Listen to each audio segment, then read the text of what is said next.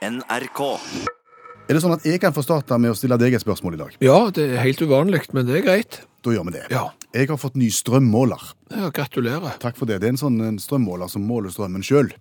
Ja, sånn automatisk en, ja. Ja. Og jeg har en følelse av at jeg, etter at jeg fikk den, betaler mer i strøm. Tror du det er en følelse, eller tror du det er realitet? Nei, det kan godt være en eh, realitet, det.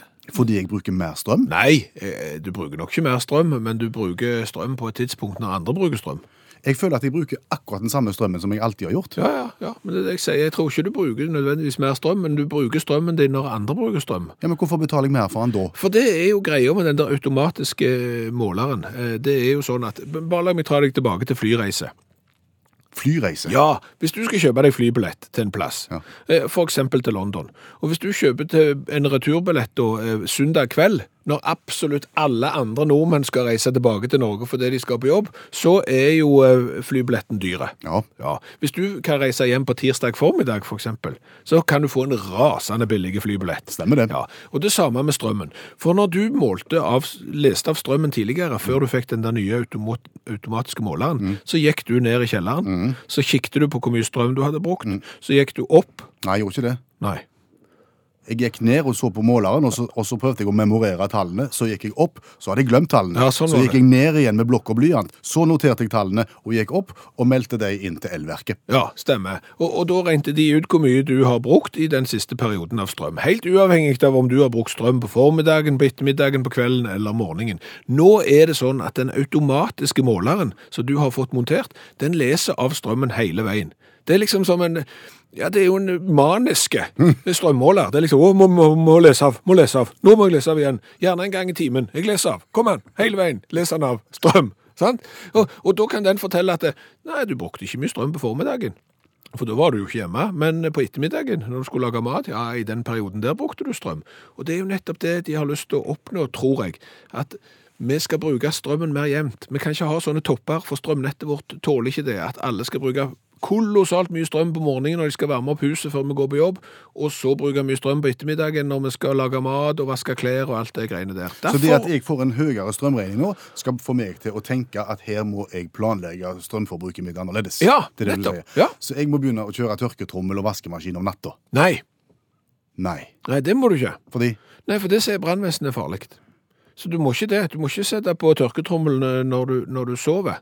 Det du må gjøre, tror jeg, eh, for å få ned strømregningen din nå, det er at du må parallellforskyve døgnet ditt. Du må lage deg en splitter ny døgnrytme.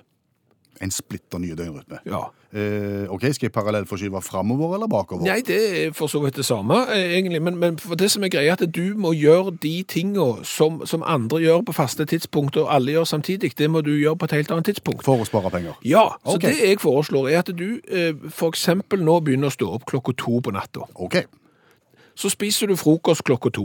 Da kan du steke, steke egg og bacon og brase i vei på kjøkkenet og bruke mye strøm, for det er ingen andre som bruker strøm da. Riktig. Nei, så det er rasende billig. Så går du på jobb. Ja. Kvart over to, halv tre, så drar du av gårde på jobb. Ingen kø på veien heller. Fordel med alt, sant? Så Ja. kommer du på jobb, og, og da slutter jo du veldig tidlig på jobb.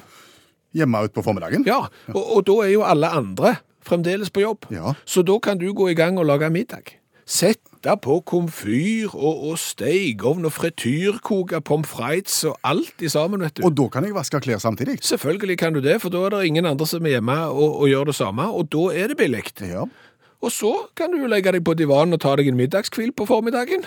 Og så kommer de andre hjem fra jobb, og da bruker de kjempedyre strøm klokka fire-fem-tida, for da bruker alle andre strøm. Da sitter du helt i ro i båten. Ja. Gjør ingenting. Har gjerne skrudd av panelovnen òg, og bare sitter helt i ro. Og så er de ferdige med maten. Da kan du begynne på kveldsmat. ja. Og da er det ingen andre som gjør det. Nei, så da kan du bruke strøm. Og så går jeg og legger meg. Ja, Ja. du legger deg jo veldig tidlig da. Ja. Eh, Så, så eh, Det er ikke spesielt familievennlig, dette, tenker Nei, jeg. men jeg tenker, skal du spare penger på strøm, så koster det. Du, du må være villig til å ofre litt. Eh, Og det er klart at det å vekke ungene klokka to på natta for å servere dem frokost, og så be de om om å gjøre leksene og leke før de går på skolen, istedenfor etterpå, det, det er jo en Det, det er en holdningsendring som er inne. ja, det, det er det. Men, men det er sånn E-verket vil ha det nå, og, og det er sånn de kommer til å få det. Sanger som blir brukt i reklame. Kjente sanger som gjerne har tekstlinjer som passer utrolig godt med det produktet som skal selges. Ja, og, og de finnes det eh, mange av. Men det vi har oppdaga, det er jo at det er et utrolig stort uutnytta potensial der ute. Vi har jo flere ganger sittet på kontoret og liksom tenkt Den sangen der. Den passer jo som hånd i sirup til å reklamere for det produktet der. Og Da tenker du på tekstlinjer, ikke nødvendigvis melodien. sant? Nei, nei, nei, da, da tenker jeg på tekstlinjer. Og så sitter vi bare der og venter og tenker at nå må det komme. Nå må noen ta den. Ja, nå, nå, det her, du får ikke større lissepasning enn dette. Her er du 30 cm fra åpent mål, det er bare å breise den inn, og så er det ingen som gjør det. Nei. Og hva må vi gjøre da? Nei, da må vi gjøre det sjøl. Ja. Jeg har spurt meg sjøl hva har Norges Skiforbund tenkt på? Hva de har tenkt på? Hva har Norges Skiforbund tenkt på? Eventuelt reklamebyrået til Norges Skiforbund. Eventuelt reklamebyrået til en eller annen skifabrikk et eller annet sted i verden. Ja, svaret er vel ingenting, egentlig. Nei, Nei. men nå skal de få noe å tenke på. Lukk øynene dine. Tenk på en hvit vidde som ligger alene foran deg. To nypreparerte spor, og du skyver deg rolig framover, meter for meter. Og det er dette som er meningen. Det var dette Gud tenkte da han konstruerte nordmannen. The meaning of my life is she. She.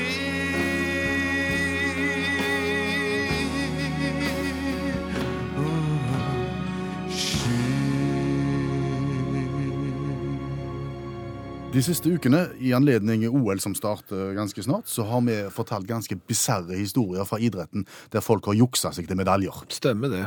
Stemmer det. Og i dag så skal vi òg presentere en.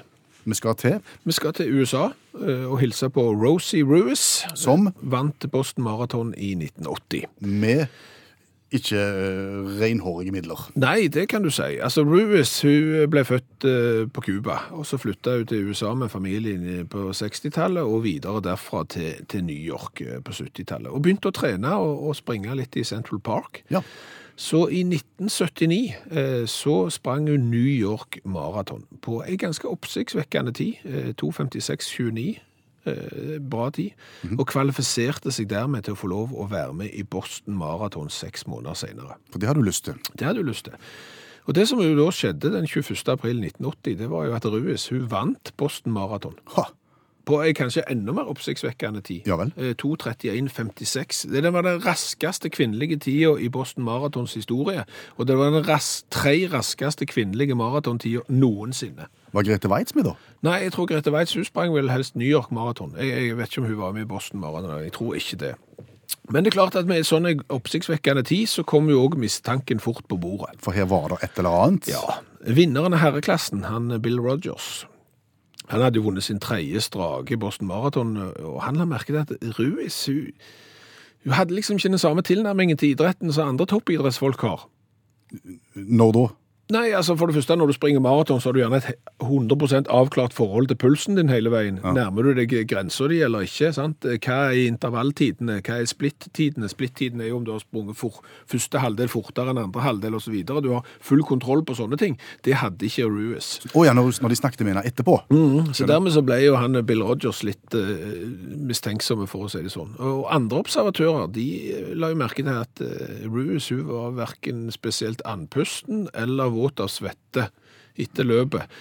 Eh, og så var hun heller ikke så skrinne, eller tynne, kan du si, som du forventer at en eh, maratonløper i verdensklasse skal være. Det var lubben. Nei, langt, langt ifra. Vi hadde jo vært kjempemisunnelige hvis vi hadde vært så tynne, men, men en vanlig maratonløper av høyt internasjonalt nivå, de er jo ingenting. Nei.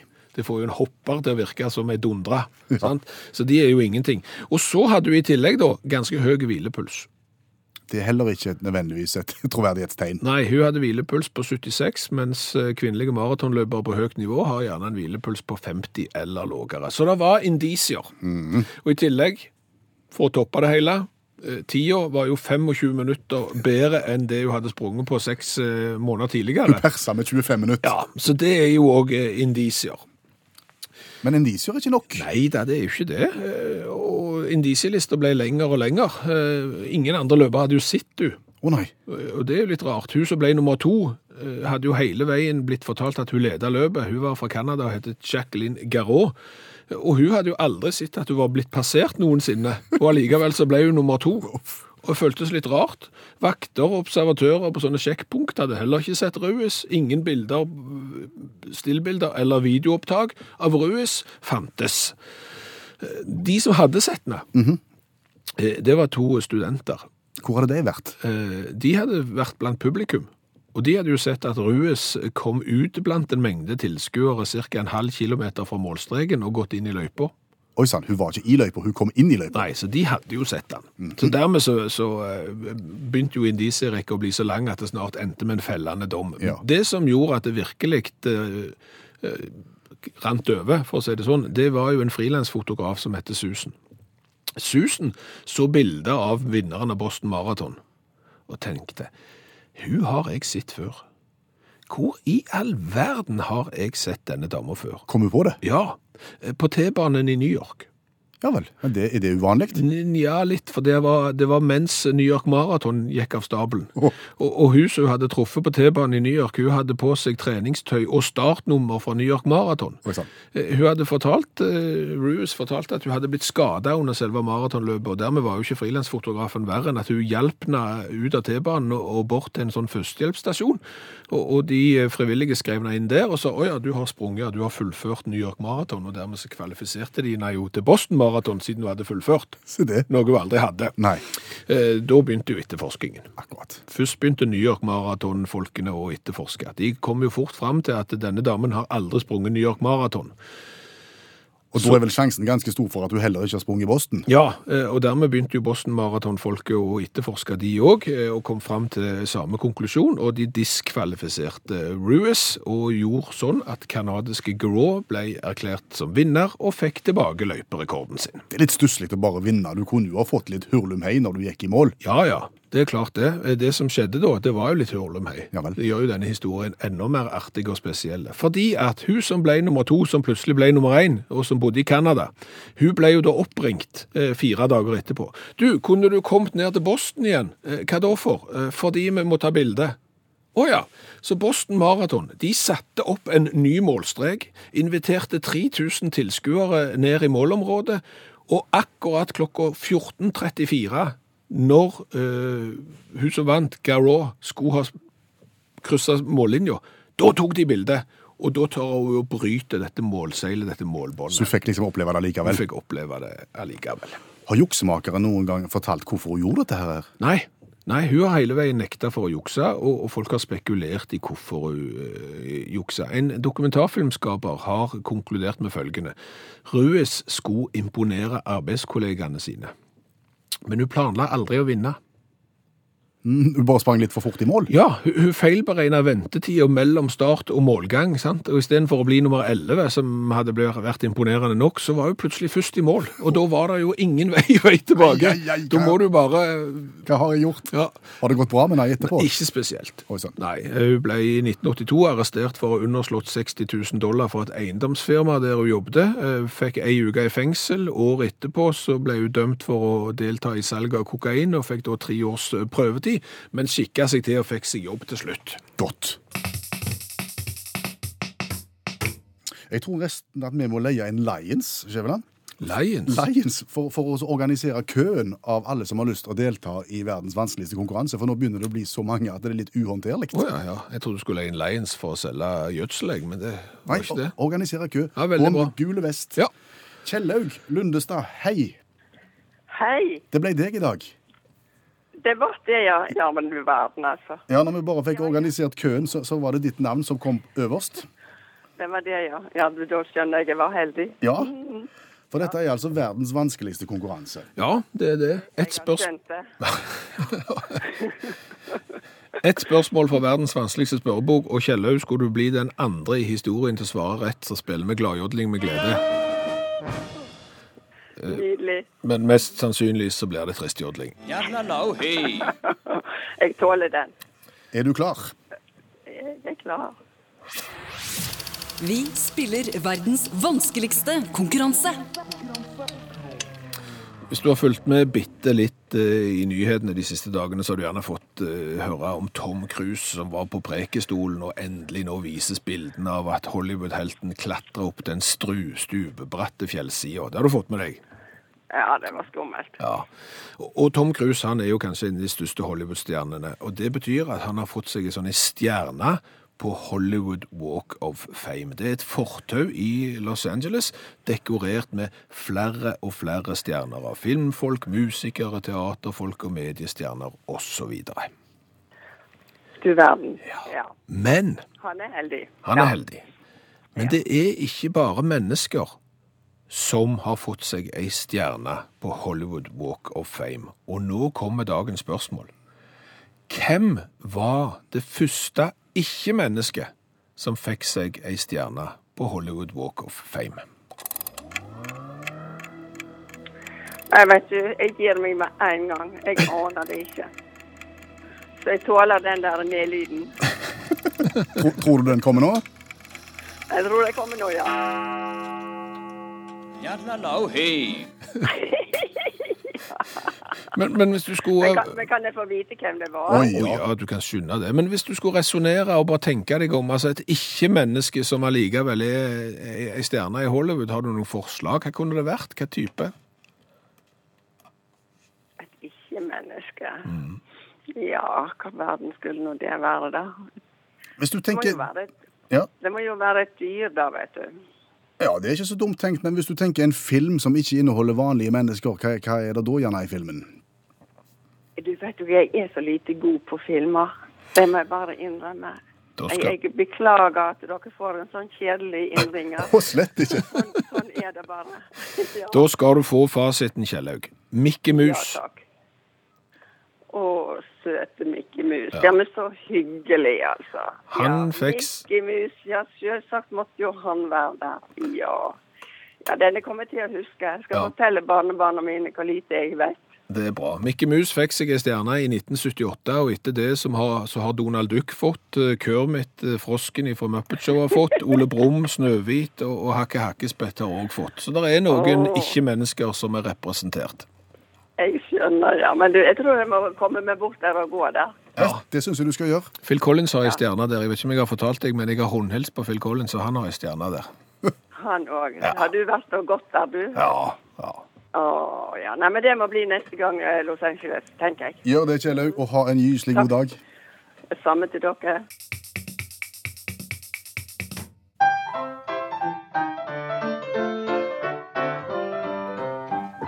Har vi fått en del tilbakemelding på at den setter seg i hodet på folk, og det var litt av tanken.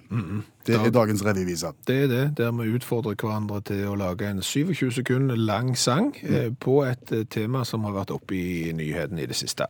I dag var det mye du kunne ta tak i. Det var jo det. Det er jo eksempel 6000 eh, astmadoser på vei fra Norge til OL i mm, Sør-Korea. De kunne vi jo tatt. Eventuelt Donald Trump er jo alltid en godtepose når det gjelder stoff. Nå vil han ha militærparade i USA.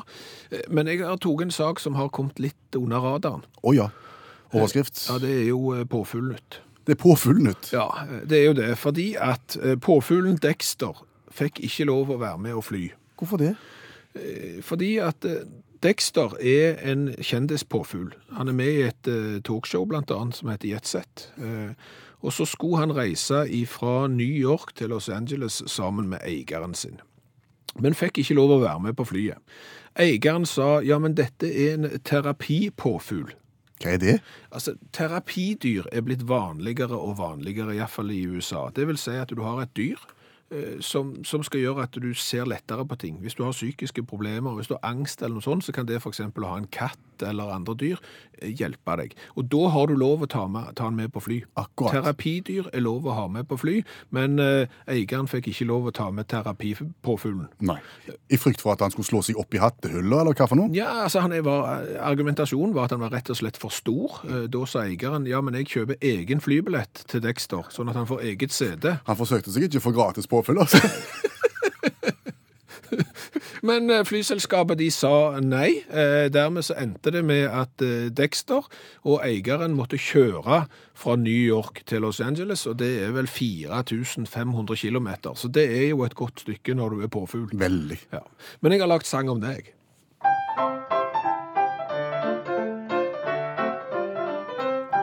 Ingen ville la Dexter få komme ut og fly. Han satt fast på en flyplass borte i New York. Har du vinger og stjert og noen flotte halefjær, bør du selv fly som en helt alminnelig stork. Men terapi Dexter ville til LA.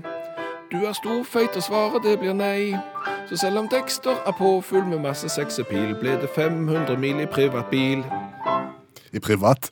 Ja, det, er privatbil. Priva, det er litt for vrient rim, men, men, men takk, tanken var god. Ja. Men det er jo ikke første gang at et terapidyr blir eh, nekta adgang i fly. Oh. Det skjedde jo òg i eh, 2015, eh, når en terapigris eh, Altså, han ble ikke nekta først. Han fikk lov å komme om bord i flyet. Men da begynte han å gjøre fra seg, Oi, og skreik eh, så mye at det slutt førte seg som en gris. Ja, og da måtte de ta terapigrisen ut. Eh, Så det har skjedd før. Hva har vi lært i dag? Og du all videste verden. Vi har lært mye i dag. Så godt. Jeg har jo blant annet lært litt om strømpris. For det er sånn at stadig flere får eh, automatisk eh, strømmåler. Det vil si strømmåleren leser av strømmen kontinuerlig. Og det vil si at du kan få én pris eh, midt på dagen når folk skal lage middag, som gjør at strømprisen er dyrere da enn f.eks. på natta. Ja. Og vi ser jo for oss at eh, når dette da tar av, og det blir kjempedyrt å, å leve sånn som alle lever, med å stå opp om morgenen og spise middag på ettermiddagen, eh, så blir det parallellsamfunn. Mm. Der folk begynner å stå opp klokka to, lage frokost da, lage middag i ellevetida på formiddagen når alle andre er på jobb, og legge seg klokka seks. Det er ikke spesielt familievennlig, men det er strømbesparende. Det er det. Det er veldig strømbesparende. Så har vi jo lært litt om juks i idretten. Yep. Rosie Ruiz vant Boston Marathon for damer i 1980. Eh, Hun juksa, hun sprang ikke. Hun sprang bare litt. Og, og det vi har lært der er at hvis du først skal jukse i idretten, så må du jukse overbevisende. Du må ikke gjøre for mye. Fordi at hvis du setter en for god personlig rekord, så da går varsellampene. Eh, i huet persa med 25 minutter. Det er voldsomt. Det er voldsomt. Ja. Så det har vi lært. Eh, Så har vi lært det å oversette fra engelsk til norsk fra ei spørrebok. Det er ikke så lett. For vi spurte hva var det første ikke-mennesket som fikk ei stjerne på Hollywood Walk of Fame. Eh, Det er fictional character, heter det på eh, engelsk. Og det er jo for så vidt et ikke-menneske, men det er jo gjerne noe som ikke er levende i tillegg. Nettopp. Svaret på fictional character er jo Mickey Mouse. Som Men fikk stjerne i 1978. Men eh, Lassie, hunden Lassie for eksempel, Rin Tin Tin og Strongheart, som også er dyr, de fikk stjerne på 60-tallet. Så, så her må vi gå i eh, engelskkunnskapen vår eh, etter i sømmene. Helt til slutt så har jeg jo lært av deg at det er jo skiprodusenter der ute. Det er TV-kanaler som viser vintersport på TV. Det er skiforbund rundt omkring i verden. Og ingen av de har tatt den helt innlysende sangen når de skal reklamere for skisport. The meaning of my life is she. She.